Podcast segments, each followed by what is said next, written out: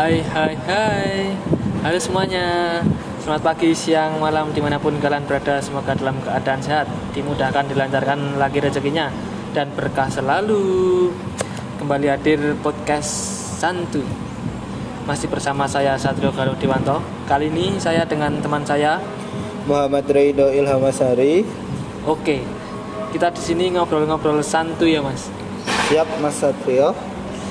Apa kabarnya selama masa pandemi? Alhamdulillah sehat selalu Mas. Selalu jaga protokol kesehatan. Mantap Kalau kegiatan di masa pandemi apa mas? Kalau kegiatan saya saat pandemi ya biasalah Mas eh, kuliah online, rapat online, kegiatan di rumah sehari-hari. Pokoknya ngisi kegiatan yang kosong lah biar lebih produktif lagi. Wah mantap. Yang penting kegiatannya berbau positif ya mas. Iya dong, harus selalu positif. Oke. Ya kalau Mas Satria sendiri kegiatannya sehari-hari itu apa? Kalau di masa pandemi ya mas, kegiatan saya paling ya cuma mainan HP, ngegame, shopping online, dan kayak seperti ini sih.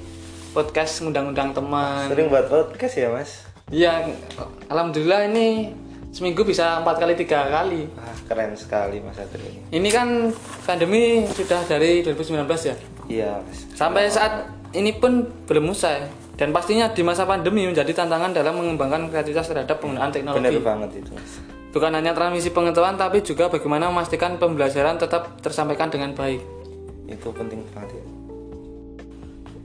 Dan sejak pandemi ini ya Mas, pendidikan di Indonesia sendiri itu dari SD, SMP, SMK maupun SMA.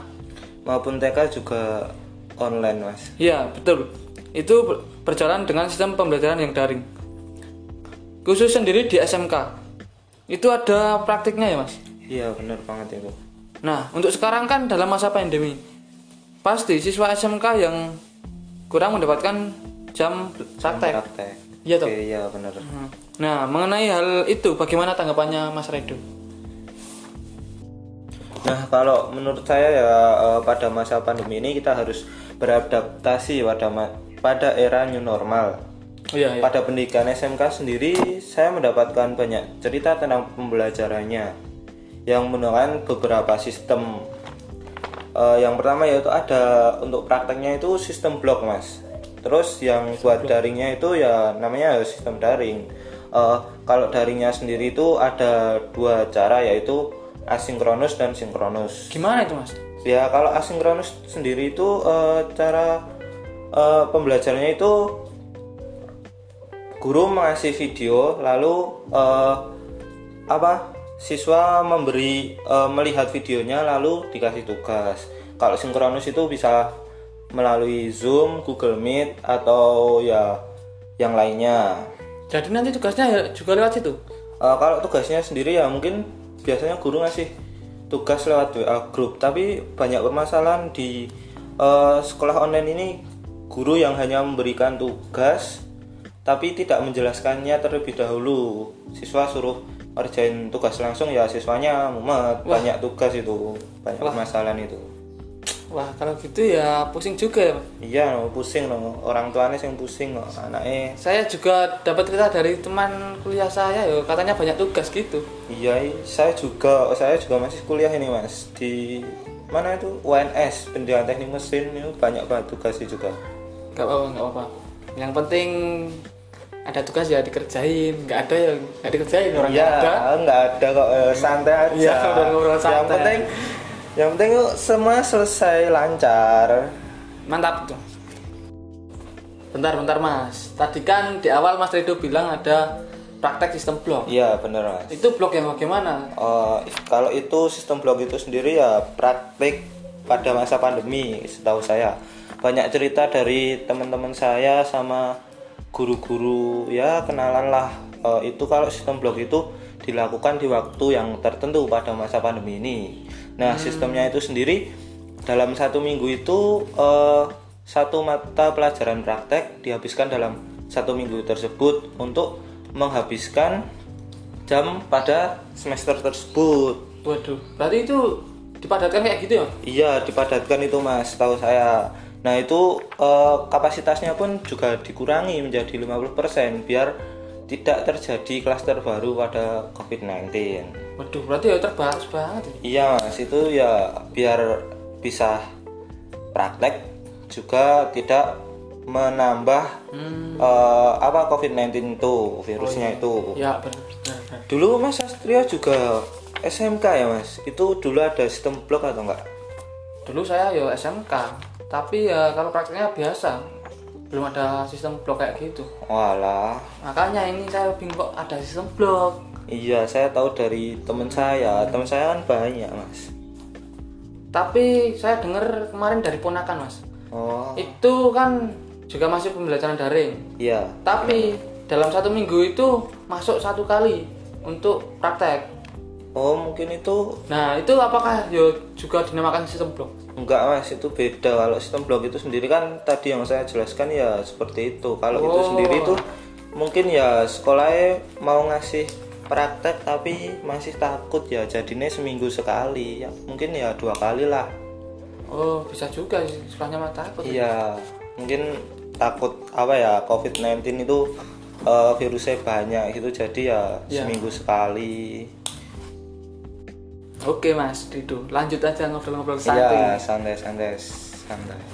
Nah, untuk sistem blok itu dimulainya sejak kapan sih, Mas? Kalau pandemi ini ya eh, mungkin mulai semester ini, semester ini untuk yang siswa eh, apa murid-murid itu.